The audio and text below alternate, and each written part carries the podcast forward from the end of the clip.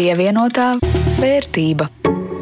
Sveicināti pirmdienā! Ētrā raidījums pievienotā vērtība par un ap naudas lietām. Ar to studijā Rudīts Pukovskis no Latvijas televīzijas un Jānis Ramāns. Šodien raidījumā par sankcijām, par jaunāko obligāciju emisiju, mazliet arī par to, kas notiek vispār kapitāla tirgos Baltijā. Bet pirms ķerties pie aktuālā kāds atgādinājums. Ir sākusies gada deklarācija par aizvadīto gadu iesniegšanu. Te divi maz atgādinājumi. Pirmkārt, aizdītajā gadā daudzi ir ziedojuši vairāk un biežāk nekā ierasts, un arī par lietotos sabiedriskā labuma organizācijām var tikt pie nodokļa atlaides. Un otrkārt, šogad ieviests jaunums, ja ir veselības apdrošināšana, tas jānorāda deklarācijā.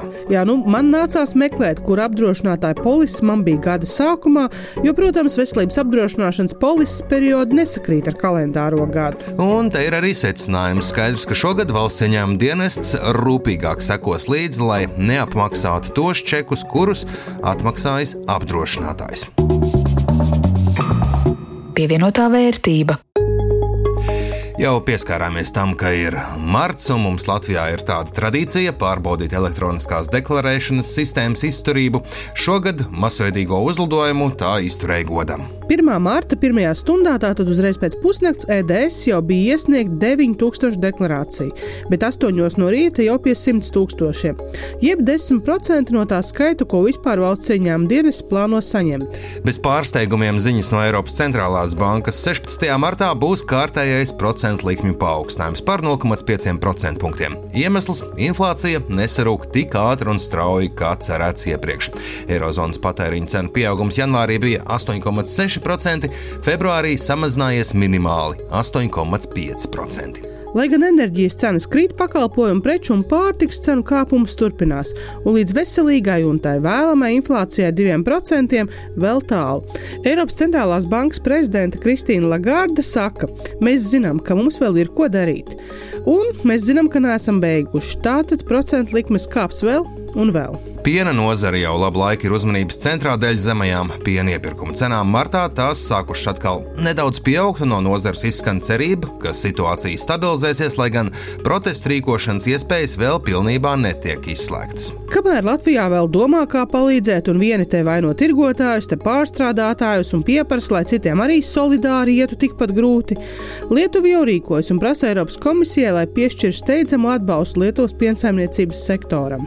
Te gan uzreiz jāsaka, Eiropas komisija šo lūgumu noraidīja, jo, kā atbildēja lietuviešiem, skaidroja Eiropas Savienības lauksainiecības un lauka attīstības komisārs Janušs Vojcehovskis, piena iepirkuma cenas ir kāpušas nepārtraukti divus gadus, un vienu brīdi tās Eiropas Savienībā un arī Lietuvā pat sasniedza rekorda augstu līmeni. Līdz ar to pašreizējā cenas korekcija nav pārsteigums piensaimniecības sektorā. Eiropas komisija gan rēķina, ka nav korekti par krīzi saukt 6% kritumu piena iepirkuma cenai, nu it īpaši atceramies, ka pēdējo divu gadu laikā šī cena ir pieaugusi par teju 123%.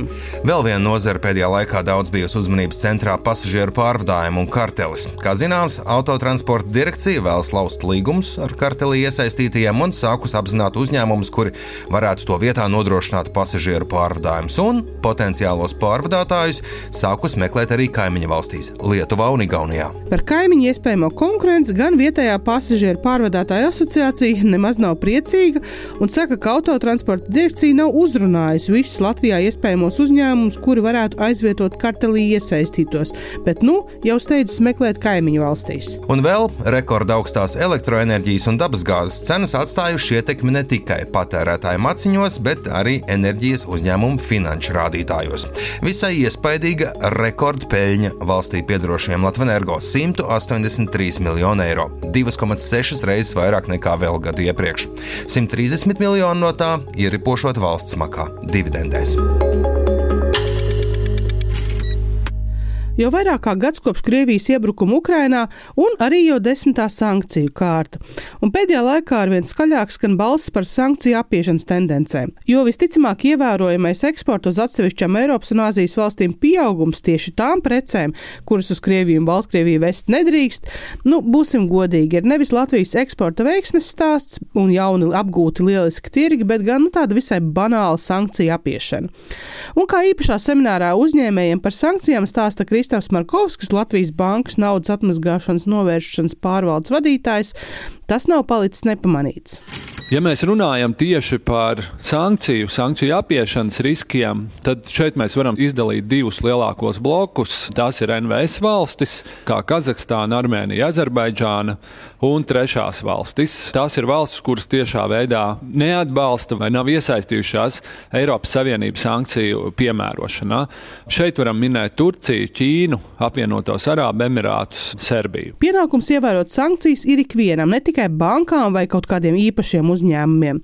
Turklāt, kā skaidro Pauls Ļenkovs no Finanšu izlūkošanas dienesta, Latvijā uzņēmējiem jāpaturprātā tas, ka riski šeit ir īpaši augsti tie riski, kas mums ir pēc noklusējuma Latvijā, ir pārāk augsti, lai arī pats privātais sektors, klasiskie uzņēmēji, sankciju riskus ignorētu. Kā zināms, Krievija ir bijusi pietiekami būtisks sadarbības partneris ārējā tirzniecībā, importā, eksportā kopš Latvijas neatkarības atgūšanas. Arī darījumi ar Krieviju finanšu sektorā ir bijuši pietiekami izplatīti. Krievija ir bijusi top 5 darījumu valsts 2021. gadā.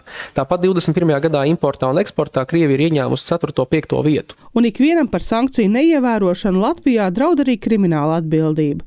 Bet kas varētu liecināt par mēģinājumiem apiet sankcijas?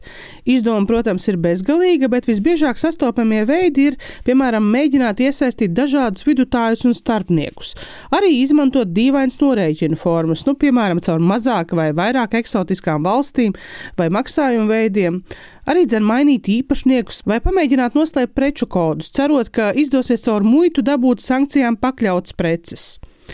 Jārēķinās, protams, ka arī kontrolējošās iestādes nesēž rokas klēpī salikušas. Piemēram, vai zinājāt par DNS analīzēm koku materiāliem? Stāsta valsts ciņām dienesta muitas pārvaldes riska vadības daļas vadītājs Ats Pilāts tika veiktas kokmateriāla DNS analīzes. Šī gadījumā mums bija deklarēti kokmateriāli ar izcelsmi Turcijā, un šie turku kokmateriāli tika notestēti. Izrādījās, ka šāda suga tajā Turcijas reģionā nemaz neaug. Viņi aug Ziemeļā Eiropā, Viņi aug Krievijas ziemeļos un tajos reģionos. Tā, tā izcelsme, kas tika norādīta deklarācijā, ir maz ticama. Faktiski arī tur ir konstatēts šis sankciju pārkāpums, un lieta tur aiziet tālāk.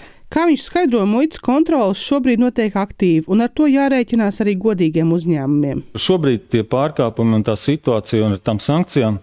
Viņa ir tik nopietna un tik daudz tie pārkāpumi ir, ka to līdzsvaru, to godīgo tirdzniecību veicināt kļūst aizvien grūtāk. Jā, un, diemžēl sanāk, ka cieši arī godprātīgie uzņēmumi laiku pa laikam arī.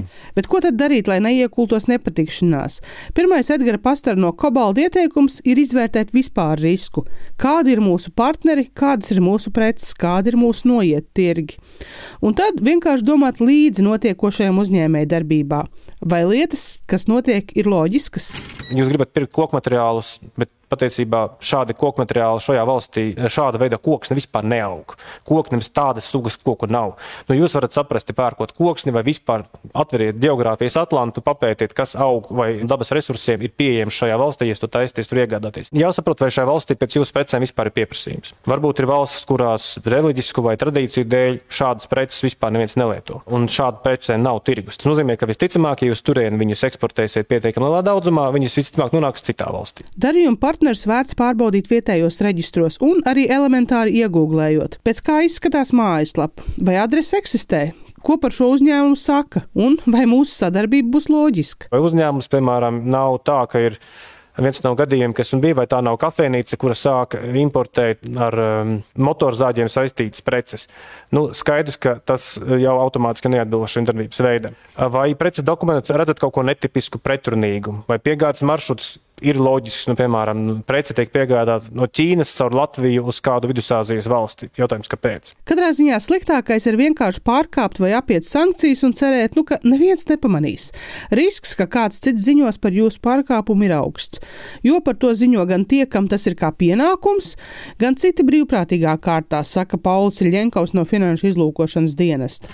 22. gada janvārī, februārī ir attiecīgi četri un viens ziņojums, un pēc tam kopš jau pirmās sankciju kārtas no Eiropas Savienības sāk tikt pieņemtas attiecībā pret Krieviju un Baltkrieviju, tad tas ziņojums skaits pakāpeniski palielinās. Iepriekšējā gada novembrī jau bija 50 ziņojumi par aizdomīgiem darījumiem, tad šogad jau janvārī bija 29, februārī 34, un nekas neliecina par to, ka šī dinamika samazināsies. Nu, un tad pēdējais par sankcijām. Atcerieties, ka teicu, ka sankcijas jāievēro ikvienam, visiem nozīmē visiem. Arī, piemēram, saņemot privātus sūtījumus no Krievijas. Un tad, kā skaidro acis pilāts no muitas, vissliktākais ir mēģināt slēpt pēdas. Cilvēki saņem no Krievijas un no Baltkrievijas pasta sūtījumus, un konstatējot, tur, ka tur ir sankciju preces, mēģina mainīt kodus, līdzīgi kā ar lielajām kravām, mēģina mainīt kodus, iesniegt atkārtoti. Es gribētu aicināt tiešām nopietni pret to izturēties, jo sistēmās viss tiek reģistrēts, un tādā veidā šie cilvēki paši sakārto pierādījumu kopumu, kas var izvērsties pret viņiem un krimināla procesa veidā. Pat paradoks ir tāds, ka dažs labs pasta sūtījuma saņēmējs krimināla procesam ir krietni tuvāk nekā dažs labs oligarhs. Un jāatceras, ka sankcijām pakļauto preču, kuras no Krievijas ievest Latvijā, nedrīkst saraksts ir garš. Cigaretes, jahtas, ziepes, kaviārs, zobu pastas, kompasi. Nu, valsts cīņām dienestu mājaslapā 13 lapas pušu garš saraksts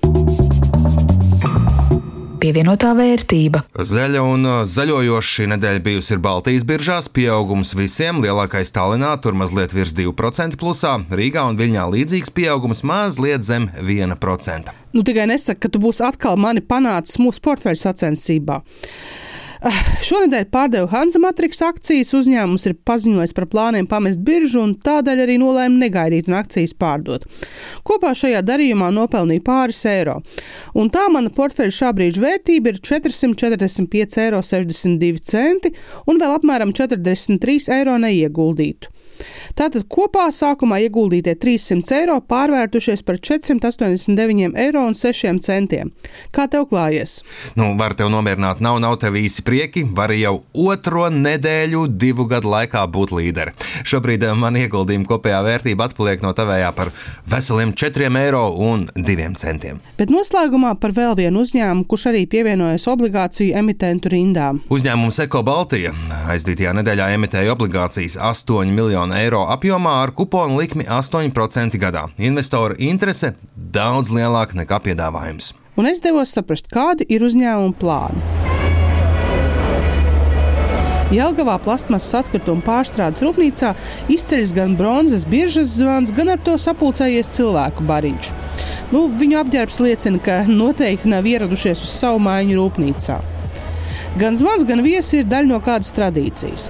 Uzņēmuma akciju vai obligāciju pirmajā kotācijas dienā tas iezvana tirzniecības dienas sākuma zvanu. Four, three, two, Šodien kārta Eko Baltiju obligācijām tika iekļautām Rīgas biržā. Kā viņi paši saka, vidas resursu apsaimniekošanas uzņēmumu grupai obligāciju emisijā gūtais finansējums būs būtisks. Skaidrs, ka mums ir uh, lieli attīstības plāni. Banku segmentā šobrīd nav viegli, un man liekas, šie 8 miljoni, ko mums ir uzticējuši uh, investori, ir tieši tas, kas Eko Baltijai šobrīd nepieciešams, lai turpinātu izaugsmu. Skaidro Māris Simonovičs, Eko Baltijas valdes priekšsēdētājs. Par plāniem dzirdu te bieži un daudz, arī par nolūkiem paplašināt savu tirgus daļu un reģionālo tvērumu, iegādājoties citus uzņēmumus, un tur Eko Baltijas ambīcijas jau ir stipri aiz Latvijas. Robežām? Ja pirms dažiem gadiem Latvija bija tas mūsu mājas tirgus, pirms diviem gadiem Latvija un Lietuva bija mūsu mājas tirgus. Šobrīd mēs viennozīmīgi uzskatām, ka Baltija ir mūsu mājas tirgus. Čehija ir mūsu mājas tirgus. Un uh, visas mūsu nākamās intereses ir jau polijas virzienā, jo Polija ir tirgus, kas ir starp mums un lielu daļu mūsu klientiem, kas atrodas Rietumē Eiropā. Un, lai pēc diviem gadiem varētu obligāciju 8 miljonus eiro atmaksāt un vēl nopelnīt solītos 8% gadā, uzņēmumam darba netrūks. Bet kādēļ tieši šobrīd daudz uzņēmumu nolēma meklēt kapitāla biržā? To jautāja Daigai Auziņai Melalksnei, Nasdaq Rīga valdes priekšsādātājai. Es domāju, ka tā viena lieta, kas Latvijas kapitāla tirgu vienmēr ir pietrūkusi, ilgstoši nebija pozitīva piemēra. Nu, gan runājot par akciju emisijām, gan obligāciju emisijām. Un te man ir jāsaka, ka pēdējie 3-4 gadi bijuši ārkārtīgi ražīgi, produktīvi un interesanti kapitāla tirgos, jo ir ienākuši ļoti daudz jauni gan akciju emitenti, piemēram, Virši, Delfina grupa, Indexo, ja, Madara senāks piemērs. Tātad, nu, faktiski ir uzņēmumi no dažādiem sektoriem, kas ir parādījuši, ka to ir iespējams izdarīt. Otrs, tas leņķis attīstības ir bijis caur obligācijām. Tātad mums ir visdažādāko nozaru, visdažādāko izmēru uzņēmumu, kuri veiksmīgi piesaistījuši kapitāls ar obligācijām. Ar to arī izskan šodienas raidījums pievienotā vērtība. To veidoja Jānis Ramāns un no Latvijas televīzijas Rudīts Pakauska. Par skaņu rūpējās Renārs Šteimanis. Atgādinu, ka šo un visus iepriekšējos vairāku gadu garumā raidījumus var dzirdēt Latvijas radio arhīvā, raidierakstu vietnēs un arī Latvijas radio aplikācijā.